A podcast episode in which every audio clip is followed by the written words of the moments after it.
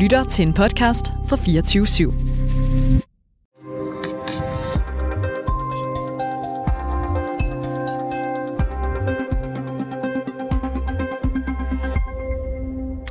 FN's atomenergiagentur er igen på vej til Ukraine. Denne gang skal de undersøge Ruslands beskyldninger om, at Ukraine planlægger at bruge en såkaldt dirty bomb. En beskidt bombe, som er en bombetype, der indeholder radioaktivt materiale. According to the information we possess, two Ukrainian institutions are commissioned to build a so-called dirty bomb. The works are in the final stages now. Og de to lokationer, som den russiske general Igor Kirillov her omtaler, skal på opfordring af Ukraine nu undersøges. Ukraine afviser nemlig på det allerkraftigste, at de skulle være i gang med at lave en beskidt bombe. Men hvorfor kommer Rusland så med den her anklage? Det ser vi nærmere på i dagens udgave af 24-7's udenrigsmagasin Konfliktzonen. Mit navn er David Træs. Velkommen til.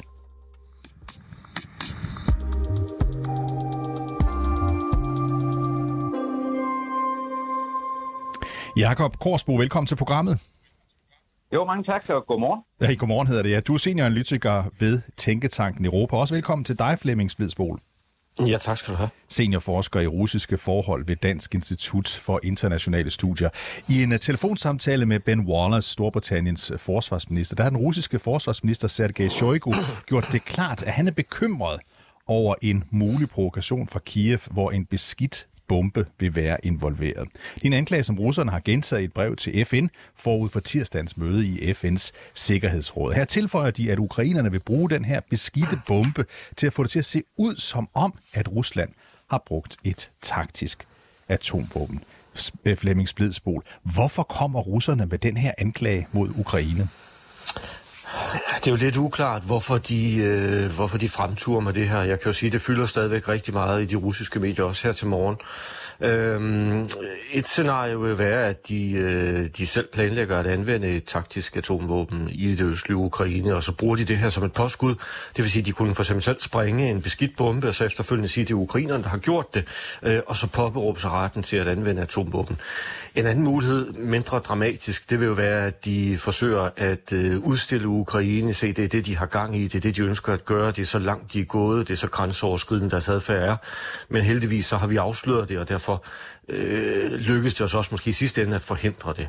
Øh, så der, der kører blandt andet også sådan et spil om, om den store fortælling globalt, og, øh, og der er russerne selvfølgelig også med. De har ikke været så dygtige, men de er med, og, og det kan måske være et element i sådan en kampagne også. Og Splidsbro, du siger, at det også kører i de russiske medier her til morgen. Hvad er det for en fortælling, der er der?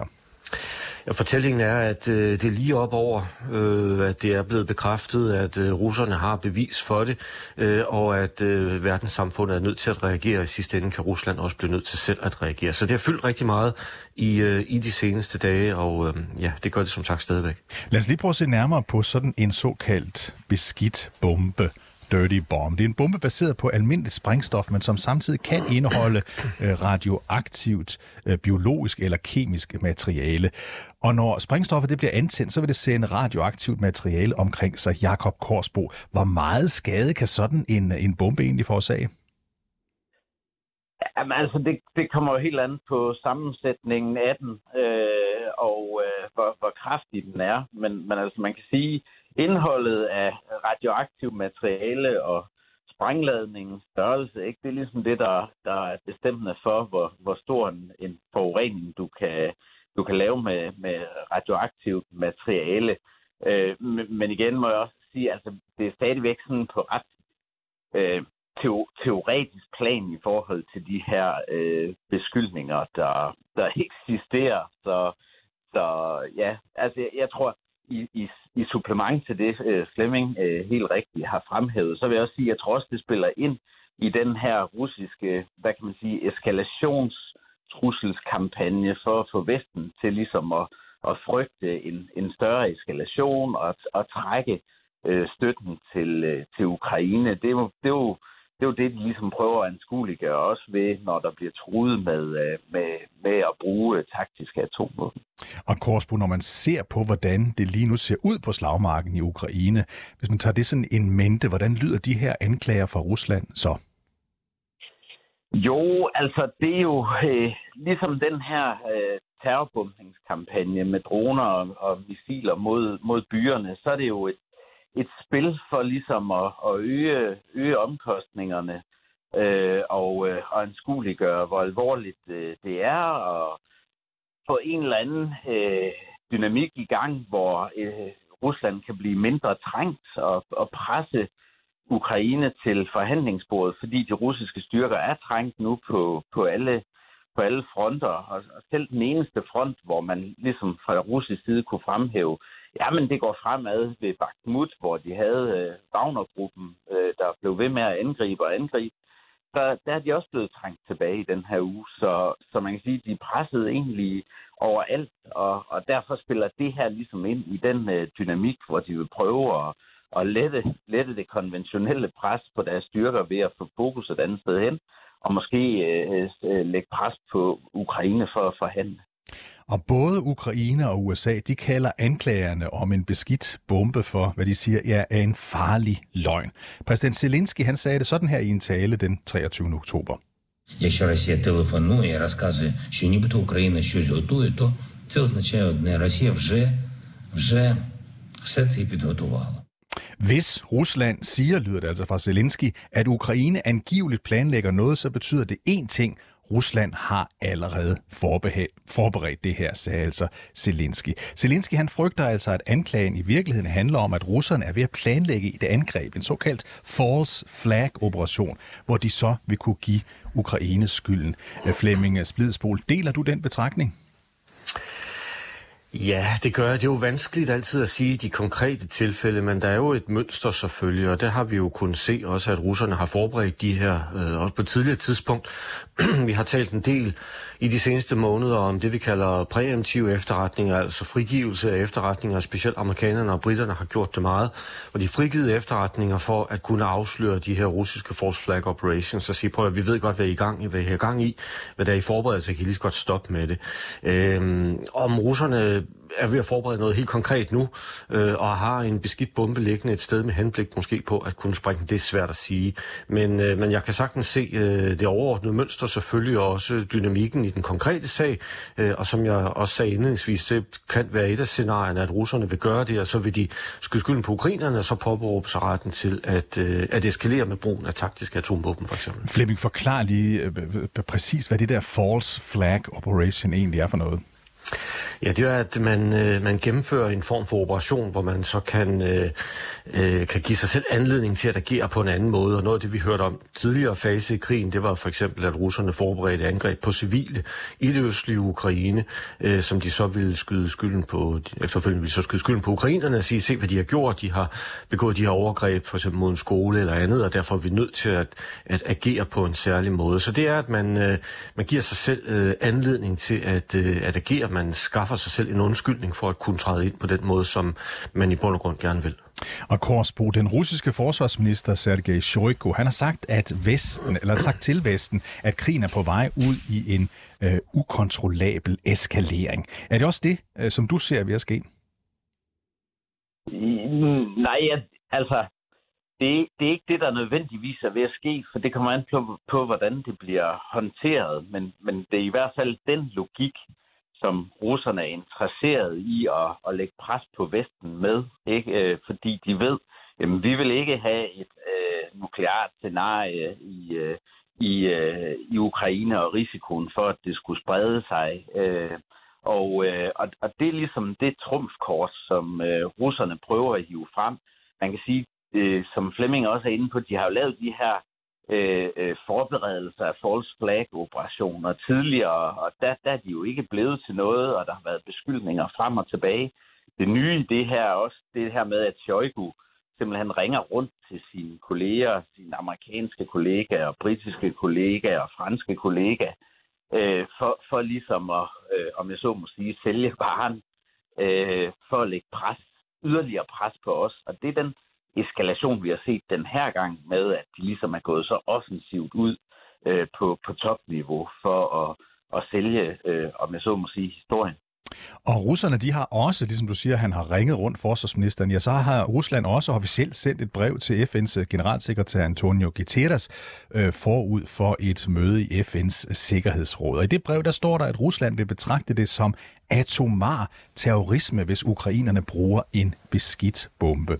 Flemming øh, Splidsbol, hvordan skal vi tolke de hårde ord? Ja, det skal vi jo tolke sådan, at russerne forsøger at, øh, at løfte det op på et andet niveau, og igen enten fordi det Ja, ja, altså russerne vil jo sige, at det er det, der er på vej, og derfor er vi nødt til at forberede os på det.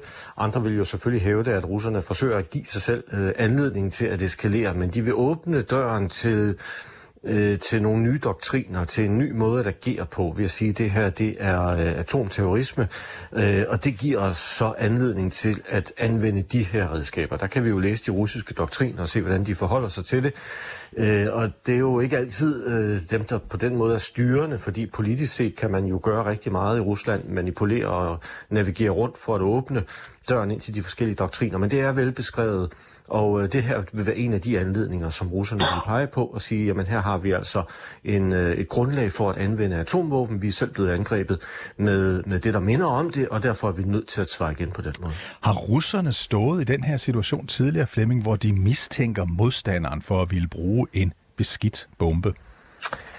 Jeg rendrer det ikke. Der kan godt være tilfælde, men jeg kan ikke huske øh, konkret, om der har været noget. Øh, det er jo beskrevet, som sagt, i, øh, i deres doktriner. Øh, så på den måde er det jo noget, de har taget, øh, øh de, de har taget med i deres beregninger, de har forberedt sig på, men jeg kan ikke huske konkrete anledninger, hvor de faktisk har peget på, øh, på en mulig aktør. FN's øh, atomenergiagentur, de vil som sagt sende sine folk afsted til øh, to lokationer i Ukraine for at undersøge de her anklager om produktion af en beskidt bombe. Det sker altså på ukrainernes egen opfordring. Jakob øh, Korsbo, betyder det, at vi kan være helt sikre på, at ukrainerne ikke kan finde på at producere og eventuelt bruge en beskidt bombe?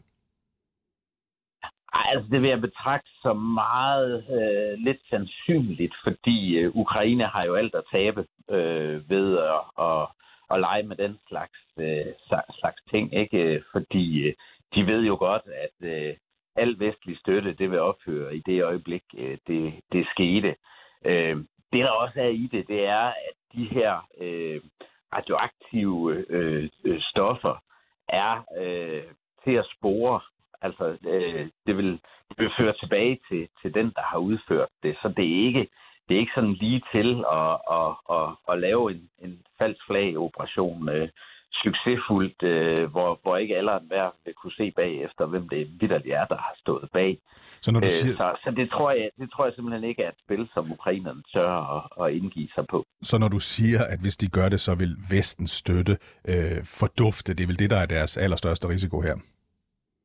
Ja, det er det, og, og, og, og det er også derfor, at, øh, at hvad kan man sige, de er jo interesseret i at få IAEA ind for at, at skyde alle de her øh, beskyldninger ned øh, hurtigst, øh, hurtigst muligt. Øh, det der også var i tilknytning til det her i går, der var ukrainerne selv ud og sige, at de har efterretninger om, hvordan øh, russerne prøver at samle radioaktivt materiale fra den her Zaporizhia, øh, det her Zaporizhia atomanlæg, hvor som russerne kontrollerer for at konstruere en, øh, en beskidt øh, bombe. Altså russerne bruger øh, ukrainsk nukleart materiale, ikke? og det er noget, vi vil se, og derfor har, har ukrainerne haft øh, meget, meget travlt med at få IAEA øh, ind øh, på, øh, på slagmarken, om man så må sige. Ja, Flemming Splidsbo, lad os lige antage øh, for eksempel skyld, at FN's øh, atomenergiagentur, de konstaterer efter at have undersøgt det, at russerne tager fejl, og de siger, at ukrainerne ikke er ved at bygge en beskidt bombe. Hvordan vil den russiske regering så reagere på det? Ja, der kan de jo selvfølgelig reagere på forskellige vis. De kan jo afvise det øh, og, og sige, at de stoler ikke på, øh, på de øh, resultater, som de er nået frem til. Øh, øh, det er også muligt, at de vil, øh, vil fastholde deres erklæring og sige, at det er det, ukrainerne har gjort. Som jeg sagde tidligere, der kunne også være den her version jo, altså et scenarie, hvor, hvor russerne bruger det i, øh, i sådan en kampagne mod Ukraine sige, det er det her, de forbereder, men nu har vi afsløret det, og derfor så har vi forhindret et, et atom Ragnarok. Og det vil man kunne pege på også, og så sige, at ukrainerne simpelthen bortskaffet deres materiale. Vi har bevis for det, øh, men nu er det væk, og, øh, og heldigvis for det, fordi så, øh, så ender vi ikke der, hvor vi alle sammen frygtede, vi ville ende. Øh, og det der jo så, uanset vil stå tilbage, det er jo, at vi har brugt en masse tid på det. Øh, vi har diskuteret det, og der er en masse mennesker rundt omkring i verden, øh, i den globale offentlighed, som vil have bidt mærke i, at øh, ukrainerne vist nok var ved at forberede en beskidt bombe, og de havde planlagt at, øh, at sprænge den, men det er ikke sikkert, at de øh, læser de konklusioner, som øh, de internationale eksperter så når frem til. Og, og på den måde er der måske noget, der klæber til ukrainerne, og det kan også være en del af den russiske strategi. Smidsbol, jeg skal lige spørge dig, når du følger med i de russiske medier, bliver FN så opfattet som en del af Vesten, eller bliver FN opfattet som en, en bred organisation, man kan stole på? Øhm, generelt bliver det opfattet som en del af Vesten, og det er det, som, som situationen har udviklet sig, og det, det, har, det er en, en, en forandring, som er sket øh, især siden krigen starten den 24. februar. Den kritik, der har været af Rusland. Øh, Rusland føler sig i stigende grad isoleret i FN-systemet, og derfor er de russiske politikere og medier også blevet hårdere i deres øh, omtale af FN-systemet. Øh, og det gælder også i det her tilfælde, det gælder i, i rigtig mange tilfælde, som knytter sig til krigen, at man simpelthen afviser FN og ikke stoler på organisationen. Vi skal lige huske på, at FN's Sikkerhedsråd jo har fem lande med veto, hvoraf øh, Rusland er et af dem. Øh, Jakob Korsbo, tror du, at der vil komme en reaktion på slagmarken, hvis det nu ender med, at FN's atomagentur, som vi talte om her lige før, siger, at russerne tager fejl?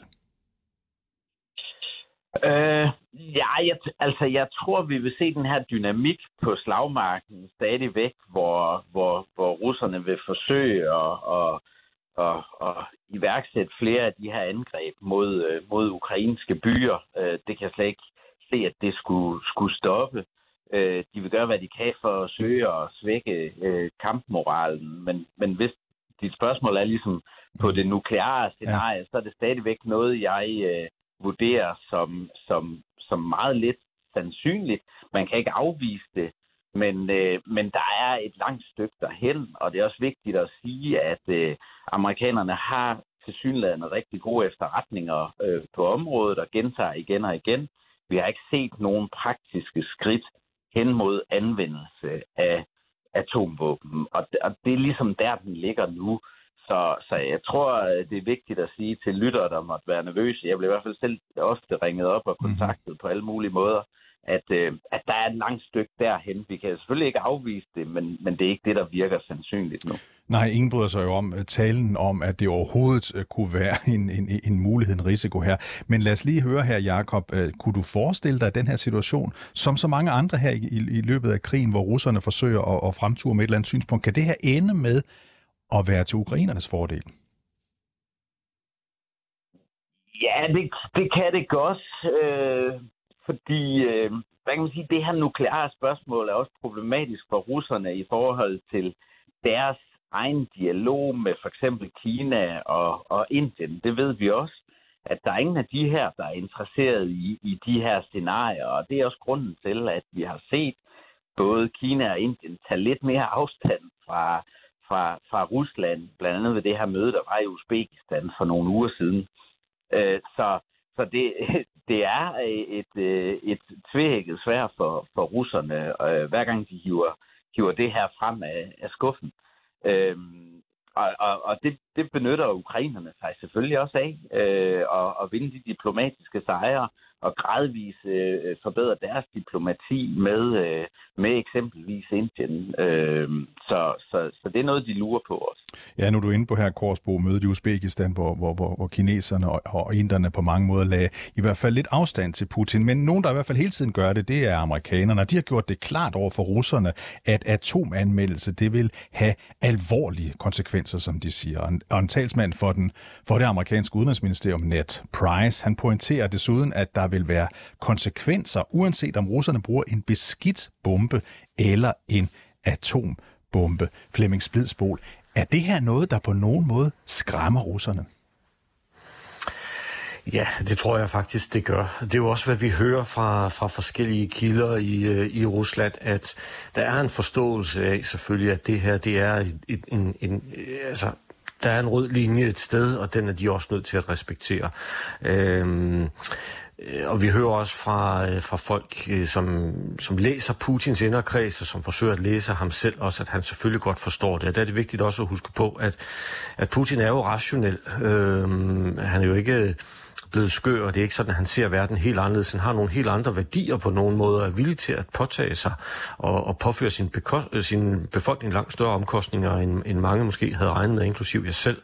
Øh, men, øh, men atomspørgsmålet er alligevel så, så forholdsvis klart, og den advarsel, der kom fra amerikansk side, er så entydig, at, øh, at det vi hører, det er, det er blevet forstået i, i Moskva, og der er en, en, en klar opfattelse af, at amerikanerne har tænkt sig at, øh, at føre det her ud i livet, hvis det skulle komme til det. Og Korsbo, han sagde lige før sådan noget lidt beroligende. Han har ser, at der er lang vej til, vi måtte risikere af, af atomkrig i, i, i den her krig. Men siger den her retorik alligevel noget om øh, brugen af atomvåben potentielt øh, i den her krig?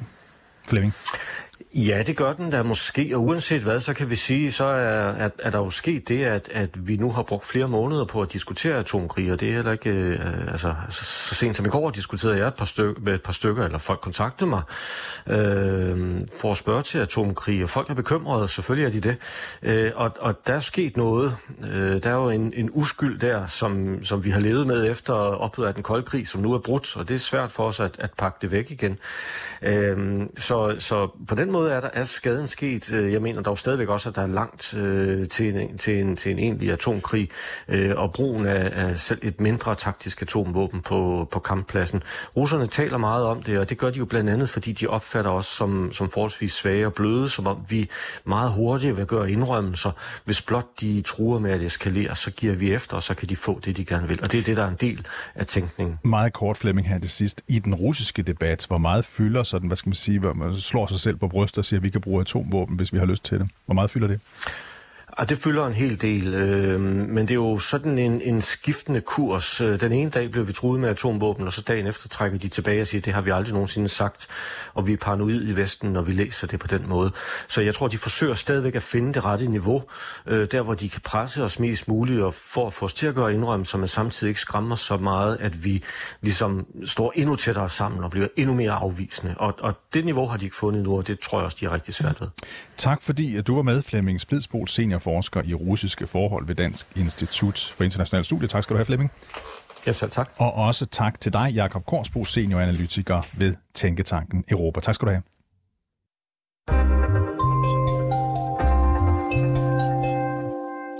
Du har lyttet til dagens afsnit af Konfliktzonen 24-7's udlandsmagasin. Mit navn er David Træs. Holdet bag programmet er journalist Sofie Ørts og redaktør Christine Randa. Du kan lytte til programmet direkte, det kan du mandag til torsdag fra kl. 8 til kl. 8.30, men du kan selvfølgelig også høre programmet som podcast, der hvor du normalt hører podcasts.